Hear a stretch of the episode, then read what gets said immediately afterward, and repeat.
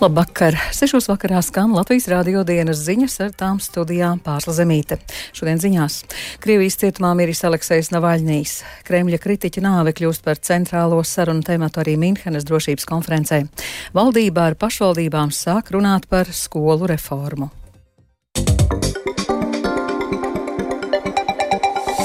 Krievijas cietumā miris Krievijas opozīcijas līderis Aleksejs Navaļnīs. Par viņa nāvi šodien paziņoja Krievijas varas iestādes. 47 gadus vecais politiķis bija spilgtākais Kremļa kritiķis. Viņš atradās ieslodzījumā kopš 2021. gada. Navaļņie nāvē vainojams tikai viens cilvēks - Krievijas diktators Vladimirs Putins. Tā norāda bijušais Navaļņie dibinātā fonda cīņai pret korupciju advokāts. Turpina Rustams Šukurovs. Krievijas varas iestāžu paziņojumā, uz kuru atsaucas Novaja Gazeta Europe, norādīts, ka Navaļņiem pēc pastaigas esot kļuvis slikti un viņš zaudējis samaņu.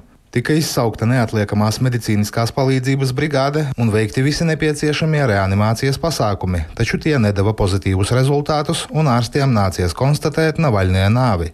Navaļņie advokāts Leonīds Salavjovs sarunā ar laikrakstu paziņojis, ka saskaņā ar politiķa ģimenes lēmumu nekādus komentārus nesniegšot. Viņš vienīgi piebildis, ka advokāts Navaļņu apmeklējis trešdien un ka tad viss esot bijis kārtībā. Navaļņie preses sekretāra Kira Jarmeša tikmēr paziņojusi, ka politiķa līdzgaitnieki pagaidām nav saņēmuši apstiprinājumu ziņām par viņa nāvi, piebilstot, ka Navaļņie advokāts ir ceļā uz Jamalas ņencu reģionu, kur politiķis izcieta sodu. Tiklīdz mums būs kāda informācija, mēs par to ziņosim. Mikroblogošanas vietnē X paziņoja Jarmeša. Navaļnija dibināto fondu cīņai pret korupciju iepriekš pārstāvošais advokāts Ivans Paulovs tikmēr norādīja, ka Krievijas opozīcijas līdera nāve ir Kremļa izplānotā traģēdija.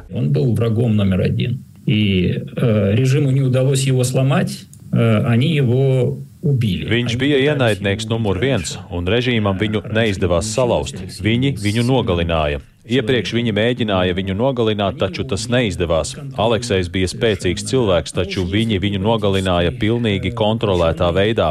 Ja esat politieslodzītais un atrodaties cietumā, pamatojoties uz politiskām apsūdzībām, tad jums tiks pievērsta īpaša uzmanība.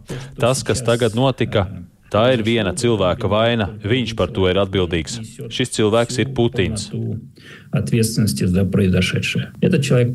Navaļņiem nāves brīdī bija 47 gadi. Viņš tika aizturēts 2021. gada janvārī, atgriežoties no Vācijas, kur viņš ārstējās pēc Krievijas federālā drošības dienesta aģentu organizētā noindēšanas mēģinājuma.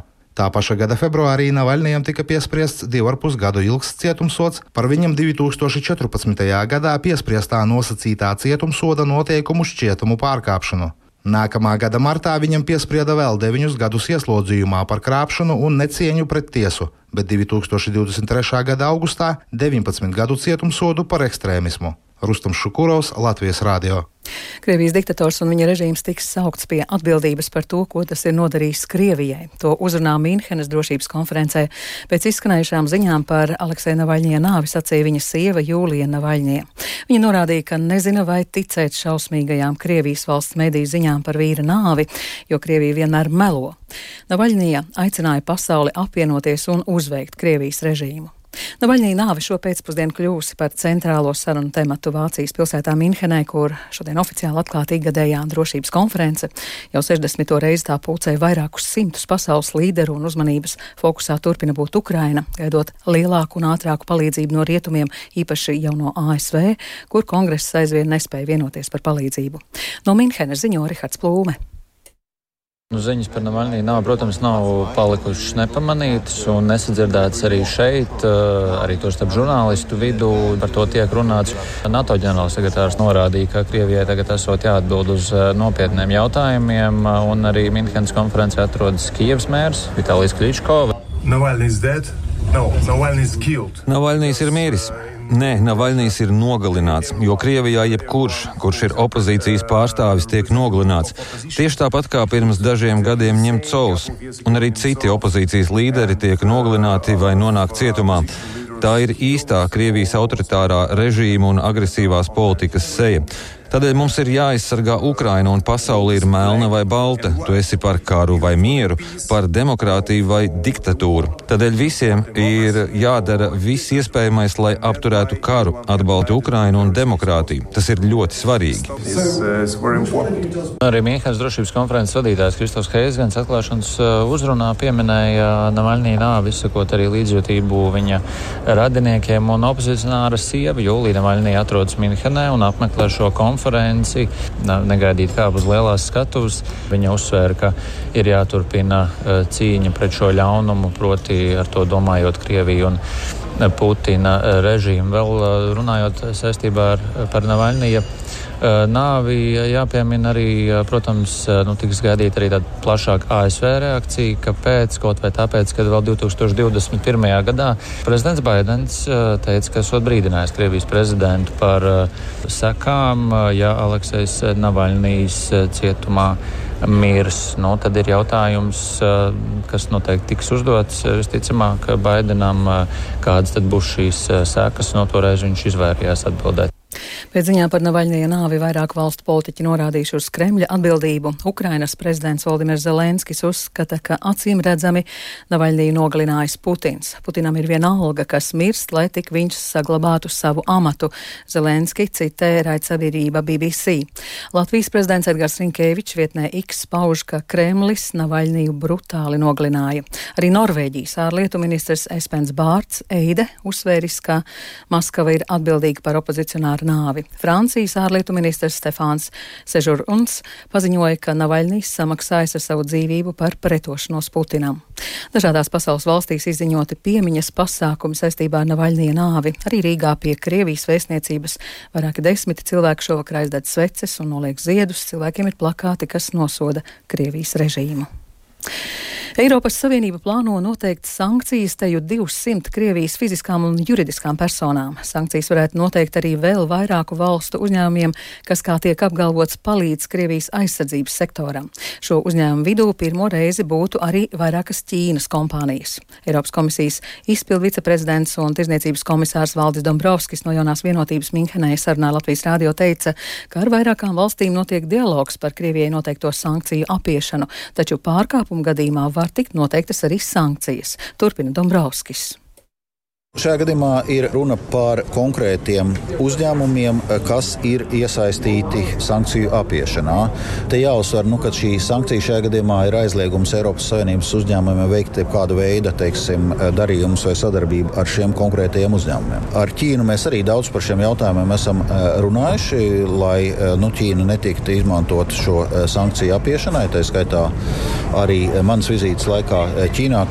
Līdz ar to nu, ir svarīgi redzēt, ka kaut kādas konkrētas darbības no Ķīnas uzņēmuma puses tiek pārtrauktas. Ja mēs to neredzam, nu, tad faktiski sankcijas ir nākamais solis.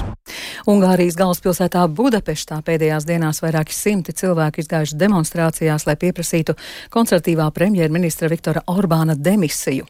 Ungārijas sabiedrībā plašu sašutumu izsaucis nu jau bijušās valsts prezidentes Katalinas Novākas lēmums apžēlot vīrieti, kurš bija piesadzis seksuālus noziegumus pret bērniem. Ungāri pieprasa, lai valdība paskaidrotu, kāpēc apžēloja šo personu. Taču Orbāna pārstāja visu atbildību noveļ Novākai, bet pats premjers joprojām nav sniedzis nekādus komentārus. Advokāts Andrāšs Gals, kurš tiesā aizstāvēja prezidentas attaisnotā vīrieša piesaktā pedofīla upuru, sacīja, ka sabiedrība joprojām gaida paskaidrojumus no Orbāna. Tomák Katalin nyilatkozta, hogy minden döntés megosztó, ami kegyelem. Katalina Novāka sacīja, ka visi apžēlošanas gadījumi rada šķelšanos, bet es domāju, ka ar pedofīliju ir citādi. Ja apžēlošana pedofīlijas lietā rada šķelšanos, tad vienā pusē ir tikai pāris cilvēku - pedofili, bet visi pārējie ir otrā pusē.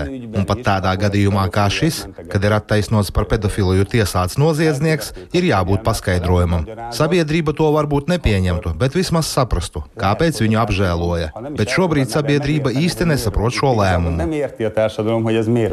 Politologi uzskata, ka šis skandāls ir radījis lielāko apdraudējumu premjeram Orbānam kopš viņa atgriešanās pie varas 2010. gadā. Orbāns sevi ir pozicionējis kā konservatīvo un kristīgo vērtību aizstāvi, tāpēc skandāls rada nopietnu kaitējumu viņa tēlam.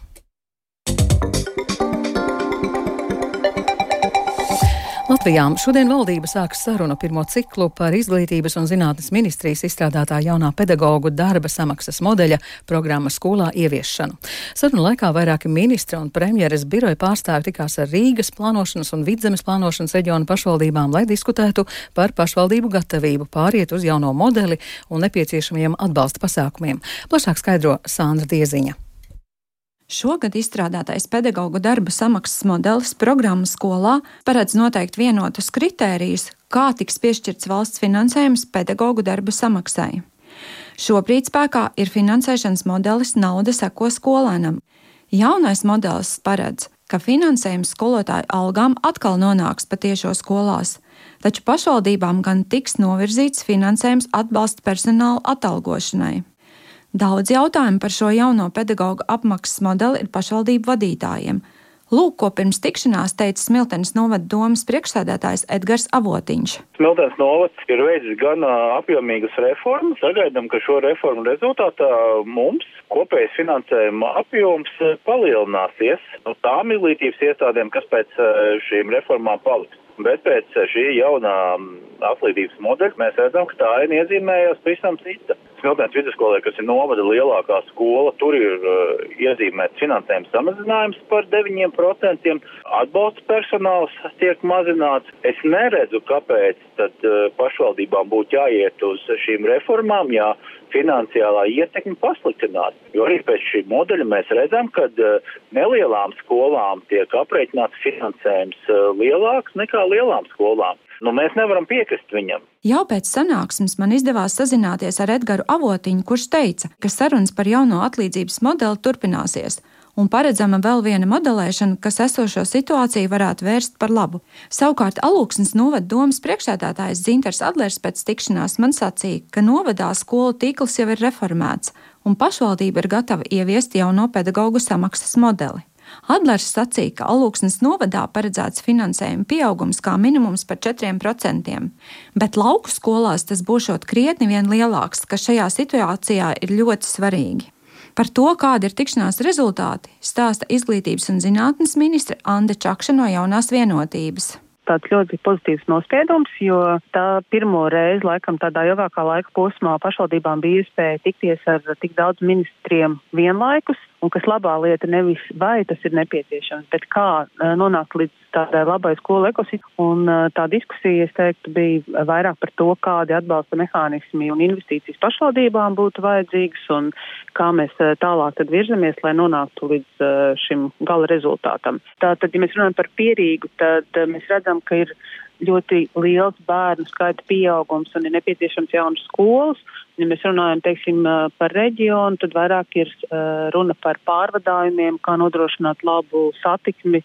Vienlaikus ir skaidrs, ka daļa, daļa infrastruktūras ir nu, no diezgan seniem laikiem, un, un ja ir šādi infrastruktūras ierobežojumi, tad ir jāparedz arī investīcijas, lai varētu būvēt jaunas skolas. Lai runātu par jauno darba samaksas modeli, Arotbiedrība nākamnedēļ, 21. februārī, rīkos ārkārtas sanāksmi aicinot uz sarunu nozares ministru un sadarbības partnerus. Sandra Tieziņa, Latvijas radio. Talsu novada muzejs protestējot pret plānoto algu samazinājumu šodien rīko protesta akciju. Apmeklētājiem redzama tikai daļa ekspozīcijas. Nākamnedēļ Talsi plāno apstiprināt pašvaldības šā gada budžetu, taču novadā izveidojusies kritiska finanšu situācija, jo budžetā izdevumi par vairākiem miljoniem eiro pārsniedz ieņēmumus. Spiedīgā situācija rezultējusies ar varas maiņu, bet jaunā vadība budžeta līdzsvarošanai lēmus par 20 pro, pro, 25% samazināt darbinieku skaitu un par 10 10% mazināt algas. Vicemēre Sandra Petersona no Nacionālās apvienības budžeta deficītā vaino tieši dāsnās algas, jo gada laikā to fonds esot pieaudzis par apmēram 10 miljoniem. Izvērtēt, kam naudu atņemt, nesot laika. Ar to izskan dienas ziņas. Producents Edgars Kupčeraks un Monteja Kaspars Groskops par labskaņu rūpējās Katrīna Bramberga, ar jums runāja Pārsla Zemīte. Yeah. Rīgā plus 6 grādi, dienvidu vējš 4 m2, gaisa spiediens 765 mm. Kāds laiks gaidāms turpmāk prognozē Toms Bricis. Sesdien laiks Latvijā būs silts, temperatūra līdz dienas vidum sasniegs plus 3, plus 8 grādus, būs apmācies un brīžiem līs, bet vakarpusē temperatūra pazemināsies, lieta nomainīs sniegs, ceļi apledos un jau svētdienas rītā visā Latvijā gaidāms neliels sals, valsts austrumos līdz mīnus 6 grādiem. Svētdiena gan būs saulaina, temperatūra no mīnus 1 līdz plus 3 grādiem, nokrišņi nav gaidāmi un arī jaunās nedēļas sākumā naktīs gaidāms neliels sals, bet pēc tam pakāpeniski kļūs siltāk. jaoks